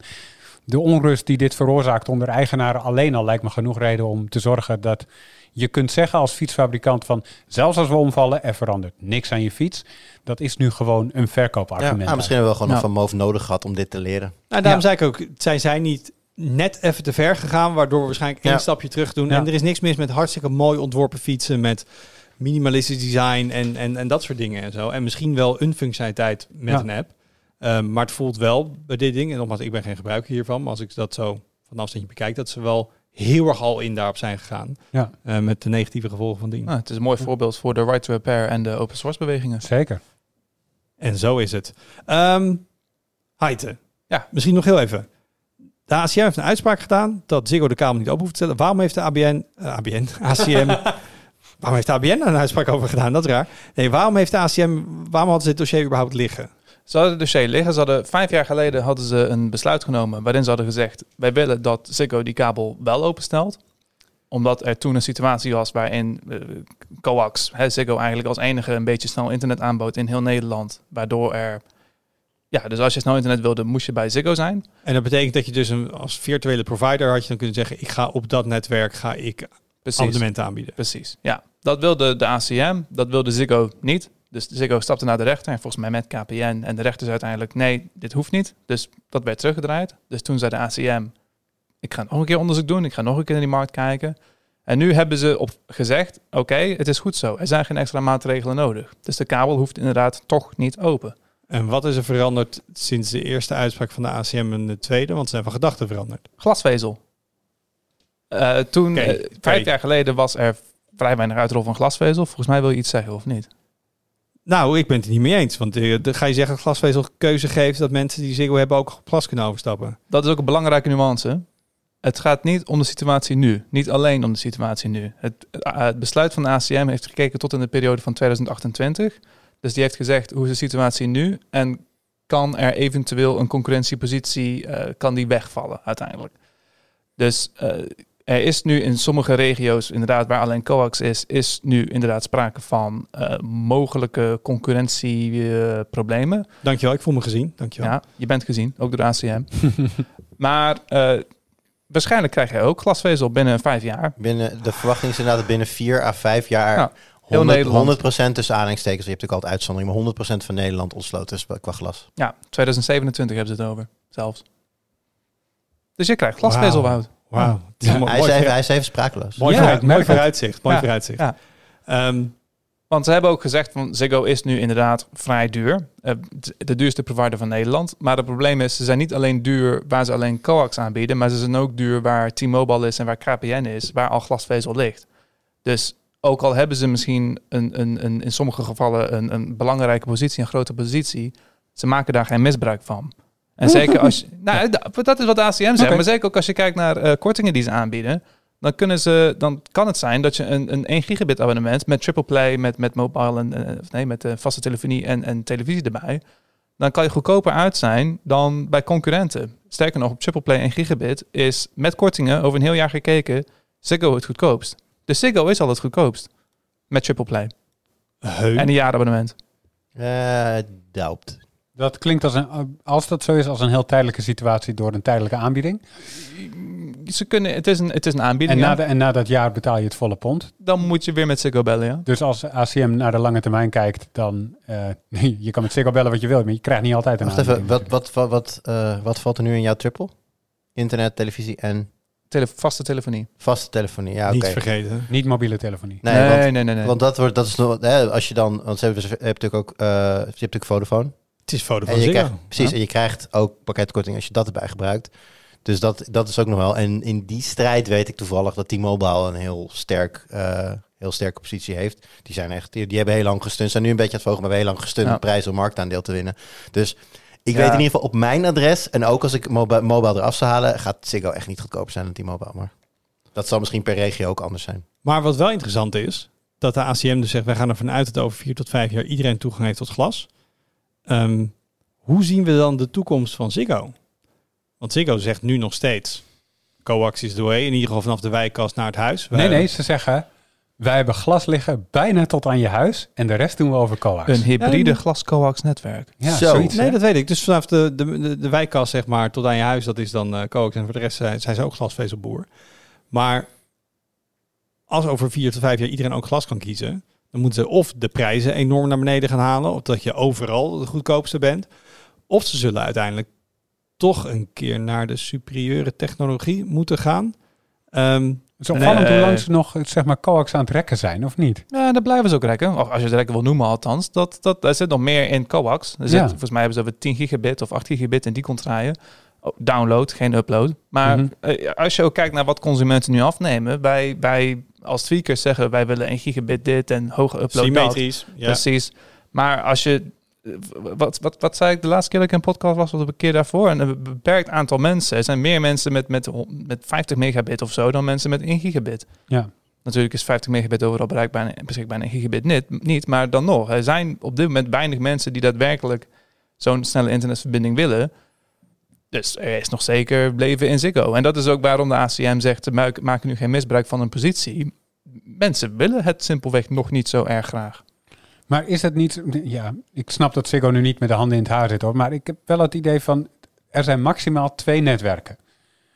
Ehm, eh, glasvezel en, en, en, en coax. Of glasvezel, glasvezel en coax. Maar Sure. Ja. Maar ehm, eh, de glasvezel is verplicht open, volgens mij. Of in elk geval open. eh, in de praktijk, ja. Met meerdere aanbieders. En coax hoeft dat niet. Dat is toch nog altijd oneerlijk? Klopt, maar daar heeft de ACM niet naar gekeken. De ACM heeft niet gekeken naar de techniek die erachter zit, maar puur is hier snel internet. En het maakt ze dan niet uit of dat via de coax gaat of via glasvezel. En als straks overal glasvezel ligt, glasvezel is open. Met tarieven die zijn afgesproken met de ACM. Oké, de KPN heeft tarieven afgesproken met, KS, Ah. met, met ACM. En andere glasvezelaanbieders die pakken vergelijkbare tarieven. Dus die, die glasvezel is in de praktijk gereguleerd en dat is in de praktijk gaat het allemaal prima. Daar is genoeg concurrentie. Dus als jij glasvezel in je deur krijgt, bij je voordeur krijgt, heb jij een eh, toegang tot concurrerende snel internet. En als je dan ook nog coax hebt, ja, dat maakt niet zoveel uit. Maar het punt blijft wel dat Ziggo is dan een wezenlijk ander, andere aanbieder. Want die heeft zowel de infrastructuur als de diensten. Terwijl bij glasvezel is dat, zelfs als je het afneemt bij de houder van de glasvezelkabel zelf, bijvoorbeeld een KPN die beide heeft, dan nog zijn dat gescheiden werelden, omdat KPN het ook wholesale aanbiedt aan heel andere aanbieders. En dat heeft Ziggo niet. En dat maakt het toch nog steeds een andere situatie, lijkt me. Voor de klant denk ik niet. Hoeft ook niet per se. Hè? Het kan ook namelijk zijn dat er meerdere glasvezelkabels je huis inkomen. Ja, ja. Gewoon letterlijk meerdere aansluitingen. Zeker. Het hoeft niet per se zijn dat het die ene kabel is en dat KPN daar dan de verkoop van doet of zo. Wait, wat, zijn daar ook regels waar ze meerdere glasvezelnetwerken hebben? Op dit moment 4% van de glasvezelaansluitingen heeft ook een dubbele aansluiting. Ja, sterker nog, je, dit, volgens mij, ik weet niet of daar al praktijkvoorbeelden zijn, maar in theorie kun je er zelfs drie hebben. Dus er zijn er drie infrastructuurboeren die je straten open hebben gebroken om glas te trekken. Ja, en dan huis. zijn er wel gemeenten die daar dus regels, volgens mij Amsterdammers er een van, die hebben dan eh, eh, ja, gezegd van oké, prima dat jullie meerdere aansluitingen, maar de stoep gaat één keer open. En kom er maar uit met elkaar. Ja, en wat ze nu ook hebben gezegd, eh, alleen KPN wil overal glasvezel hebben. En het maakt niet uit of er al glasvezel ligt, die gooit er een luidje overheen. En andere aanbieders die hebben gezegd, als er al glasvezel ligt, Dan gaan we wij, op andermans netwerk. Ja, dan gaan wij niet ook nog een eigen netwerk aanleggen. Ja. Dus alleen KPN gaat nu nog dubbele netwerken aanleggen. Ja, en Delta niet ook? Nee, Delta niet. Nou, nee, alle, nee, nee, nee, nee. Maar wat ik nog niet snap, Heite, en misschien is dit een hele domme vraag, dus zeg dat gerust. Maar Ziggo heeft volgens mij afgelopen zeven jaar elk jaar in juli de prijzen verhoogd. En soms ook echt best wel stevig. Ehm, dat heb ik altijd gezien als een gebrek aan concurrentie. Want als je veel concurrentie hebt, dan ga je de prijs niet verhogen, want je verliest klanten en je verliest de markt. Ziggo doet dat wel. Dat wijst toch op een gebrek aan concurrentie? Dat klopt, maar nogmaals, het gaat, maar, het gaat tot 2028. En dan is er overal glasvezel, dus dan is dat concurrentieprobleem is dan weg. Dus in 2028 gaat Ziggo niet meer elk jaar de prijs verhogen, denken we? Eh, misschien voor de mensen, voor de klanten die er nog zijn. Maar ook omdat ze steeds met die kortingen hebben, eh, is er volgens de ACM vooralsnog geen probleem. Hm. En de ACM zegt ook, wij blijven de situatie nou letten in de gaten houden. Ja. Dus Nou, het is ik niet alsof het nu klaar is. Maar Ik denk sowieso dat dat dat eeuwige stijgen, ehm, ja, ze, ze, ze maken kosten, dus aan de ene kant moet het. Aan de andere kant, ik denk dat dat heel, heel anders gaat, worden. Wat hij er net zegt, de komende jaren als er overal glas ligt. Je ziet nu al dat eh, bijvoorbeeld voor een, eh, voor een internet service provider eh, de partners met wie ze samenwerken, die dan de belichting doen op die glasvezelkabels, kan enorm veel schelen in de, in de kosten die je hebt. Als, kan echt serieus 20 euro per maand schelen als KPN je belichting Wauw. doet of als een andere partij je belichting doet. Ik weet dat bijvoorbeeld Freedom Internet meerdere partners heeft. En wie dat doet, dat maakt gewoon dus uit, uit voor de prijs. Dus dat geeft al aan dat er in die markt op een andere manier concurrentie is. En ja, Op ik, heel ik- veel verschillende lagen in feite. ja, precies. Je hebt, je hebt, ja, het wordt een heel technisch verhaal. Omdat dan, en dat zit ook niet goed genoeg in mijn hoofd om dat nu uit te leggen. Maar inderdaad, het is, het is niet, zo, niet zo simpel als kabel leggen, signaal aan en klaar. Weet je, daar, daar, zit, daar, zitten meer, daar, zitten, kunnen meerdere protocollen eh, actief zijn. Meerdere partijen die daar ook tussen zitten die de belichting doen, inderdaad. En dat heeft allemaal invloed op de prijs uiteindelijk. Dus de manieren waarop daar straks geconcurreerd kan worden met, met, met, met de prijs die je moet betalen als klant, is anders dan hoe het in de kabelmarkt werkt. Dus ja, het, ik, kan, het kan ik kan me bijna niet voorstellen dat hè, als Ziggo inderdaad zo duidelijk de duurste zou zijn, dat ze dat over vier jaar kunnen volhouden. Dat denk ik echt niet. Dat verwacht ik ook niet. Nee, ik denk als, als ik Ziggo was, zou ik nu ook lekker cash om het zo te zeggen. Aangezien Mhm. je nou nog de grootste bent overal en op sommige posities nog een goede positie hebt. Ja. Dat zou ik dan nu lekker de prijzen verhogen, ja. Wat Ja, is voor als ik jullie Ziggo was. de beweegreden als jullie kiezen voor een internetverbinding? Ik merk bij mezelf heel erg. Ik, ik, in mijn hoofd zit coax in het hokje ouderwets. Hm. En glasvezel in het hokje modern en potentie en symmetrische snelheden. Dus als ik kan kiezen, zou ik altijd glas willen en misschien zou ik er zelfs iets meer voor betalen. Hoe zit, stel dat jullie op een adres, waar ik weet dat zo is, waar je zowel eh, Ziggo als eh, KPN kan krijgen, glas Mhm. en coax. En Ziggo is 10% goedkoper. Zeggen jullie dan, nou dan ga ik dus gewoon voor de kabeloptie ook heb ik glas. Of zeg je nee, ja, nee, ik wil gewoon glas, Arnoud. Ik ben wel heel prijsgevoelig, heb ik gemerkt. Ehm, en, en daarbij maakt voor mij het kale internet het meest uit. Ik heb het hier bij Ziggo. Die heeft me wel eens, eh, eh, toen ik nog bij Ziggo zat, kon ik beter een pakket nemen met vaste telefonie erbij, want dat was goedkoper dan zonder vaste telefonie. En dat vond ik uitermate raar. Ehm, eh, maar ik heb het wel genomen, want het was goedkoper. Ja, ik ben prijsgevoelig. Ja. Ja, ehm, maar als er dus aanbieders zijn die voor internet-only goedkoper zijn, ja, dan, dan ben ik daar. En op kabel is dat gewoon geen optie, want daar zit alleen Ziggo. Ehm, Nee, maar het Dus gaat mij er meer om van, eh, weet je, als Ziggo dus over een paar jaar die prijs omlaag gaat gooien, is gewoon, ze zeggen natuurlijk zelf, nee, het is grotendeels glasvezel doen, maar is met een coax aan, verbinding aankomen zetten in 2028, is dat nog interessant? ja, is prima. Maar dit, Ja, het gaat me, nee, precies. Het gaat me er meer om als er dan een aanbieder zou zijn op een open kabel die zegt van, wij doen niks. TV interesseert ons niks, telefonie, steek dat maar ergens waar de zon niet schijnt. Wij bieden alleen internet aan. We doen dat op een paar snelheden om het simpel te houden. En we doen daarvoor de laagst mogelijke prijs. Eh, zit daarvoor onder Ziggo en, en, en dat is het. Dan zou ik daar serieus naar kijken. Is erbij. Dan zou ik er serieus naar kijken. En dan ga ik in de Excel uitrekenen wat dat precies voor mij doet. Hier? Ja, voor mij is de, het feit dat ik ook snelle upload wil hebben. Ik, ik stuur Luc dan een berichtje. Ik ga nu de beelden van Final Fantasy uploaden. En dat is 140 gig aan beeld bijvoorbeeld.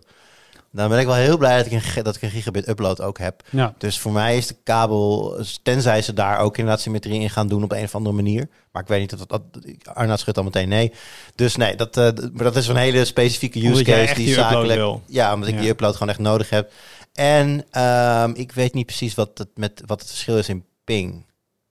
Als je kabel-internet versus... Want het is allebei snel internet. Maar hè, als je bijvoorbeeld online gamet... dan is hoe lager je ping... Hè, hoe sneller je, je connectie met gameservice en dat soort dingen... is een voordeel.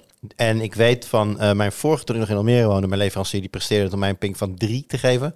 Die van, die van, die van T-Mobile die ik nu heb ligt meestal rond de 7... tot tussen de 7 en 9. Dat is, of, dat is Mhm. al wat hoger voor, voor glasvezel eigenlijk. Ik heb Ja. het idee dan dat glas wel een lagere latency heeft dan kabel. Dat Want zou ik mij niet aankijken. Dat soort dingen heb ik nog nooit Maar ik weet niet, of ik, er is vast iemand die ons in de comments gaat uitleggen waarom dat wel of niet verschil maakt en of het in theorie wel of niet sneller kan zijn via de kabel. Bedankt daarvoor alvast. De laatste keer dat ik mijn ping gecheckt heb, hey, die kunnen we ook gaan eh, in de lijst zetten. Wanneer heb je voor het laatst ping gecheckt? Die mag beginnen. Oeh. Nou, Ehm, dat, dat- die dat- ga ik wel winnen. Dat zat meer tussen, tussen de 15 en 25 milliseconden volgens mij over mijn kabelverbinding. Niet Ja. in zulke lage single digits. nou ja. Tweak eh, back in the day eh, deed het echt enorm snel. Maar ik had toen die auto toen eigen netwerk in Almere liggen en dat was dat maakte En dat kan toch net die ene headshot zijn in Call of Duty. Dus ja, Ja, Ja, ja, dus vanaf nu iedere keer als ik heel slecht Call of Duty wil, zeg ik van, ja jongens, ik woon niet meer in Almere, dus ik ben nu een stuk langzamer. ha. voor jou Heite, maakt het uit? Eh, nou ja, prijs zeker wel. Maar of het, ik, ik heb nu koper. Terwijl ik ook kabel zou Oh ja, kunnen dat is hebben. waar ook. Ja, nee, precies. Ja, ik ben er nog zo heen. Eh, Jezelf. Wow, dat je überhaupt hier bent gekomen. ja, ja. Nou, dat is niet überhaupt gewoon hardop in zo'n podcast weer uitkomt. Luisteren Ja. toch best wel wat mensen. Heftig. Ja. Ja. Nee, maar ik, ik zit in het T-Mobile kamp. En ik dus heb ook T-Mobile thuis. En dan met al die dingen kom je toch wat ko- goedkoper uit. En dan zou ik over kunnen stappen. Maar dan zou ik eigenlijk ook van de provider moeten overstappen. En gedoe en gedoe. Dus dan... Nou, dat heb ik dus gedaan toen ik ging verhuizen. Ben ik van KPN en KPN overgestapt naar T-Mobile en T-Mobile.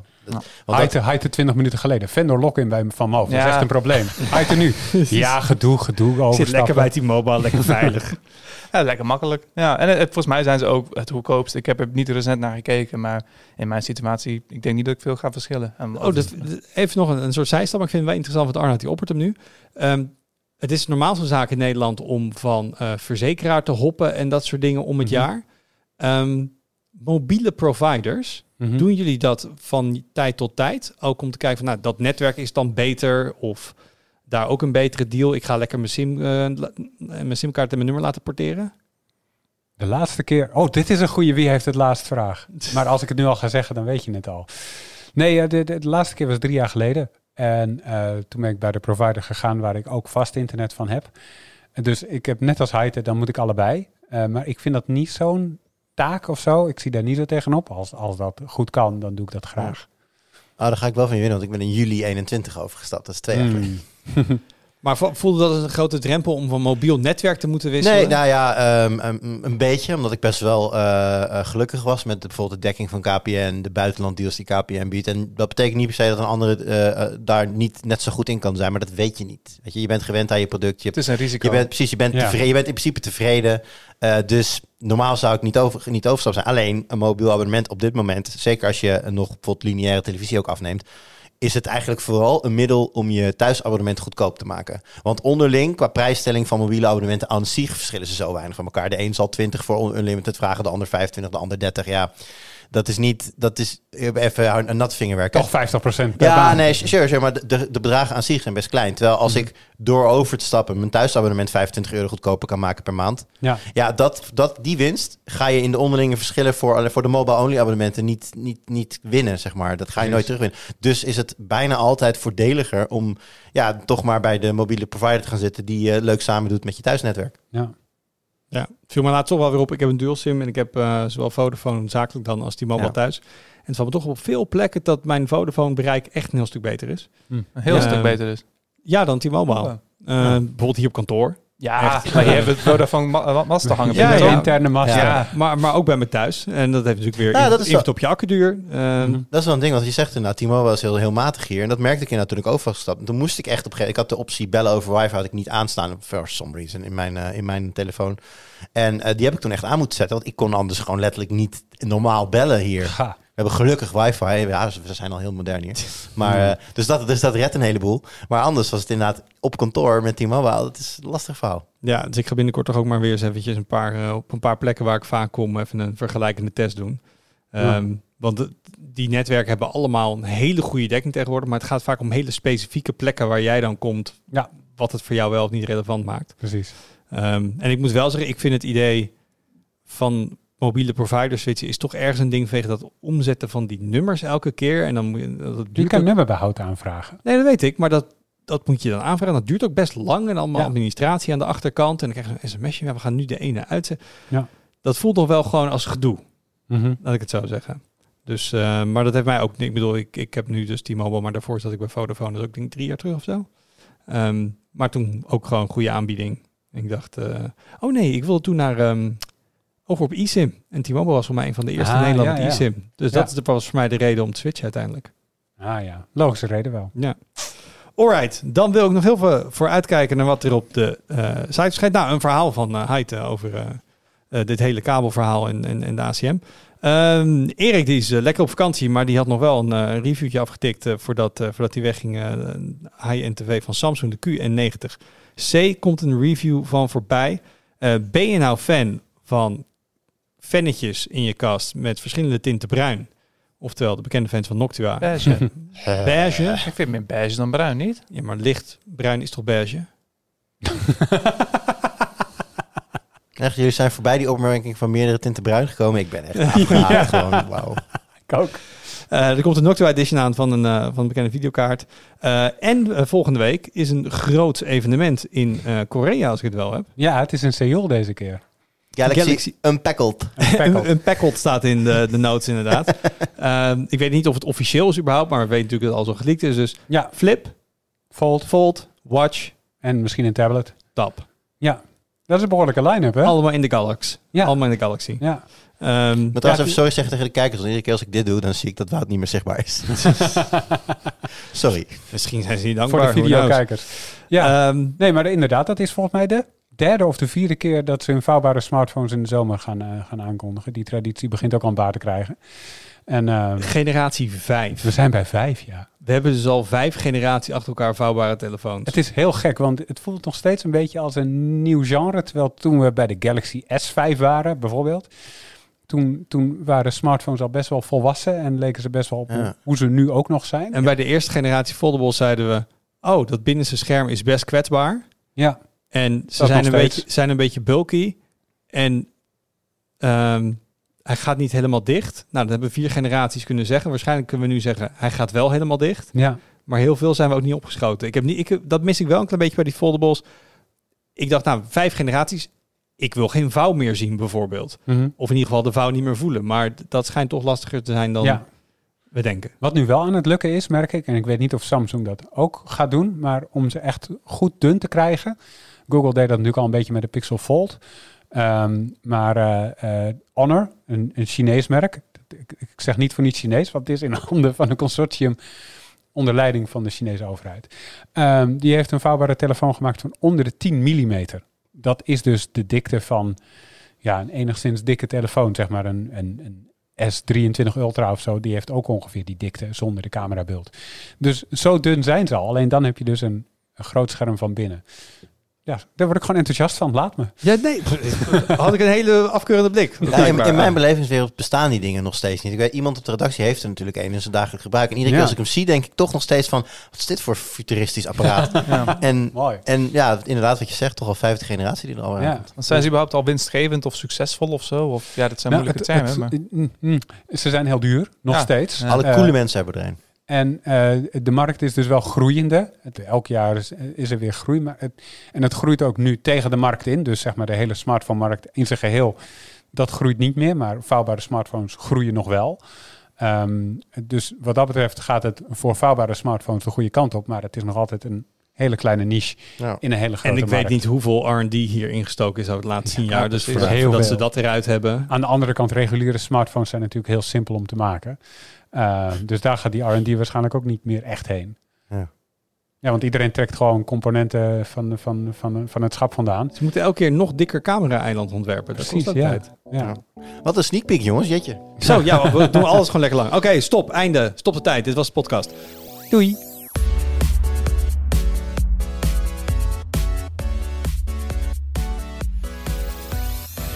Eh, dank jullie wel. Leuk dat je eh, geluisterd hebt of gekeken hebt. Heb je feedback, post. eh, je kan even mailen. Podcast.tweakers.net of een comment achterlaten op YouTube of de site. En je hoort ons weer volgende week. Doei. Doei.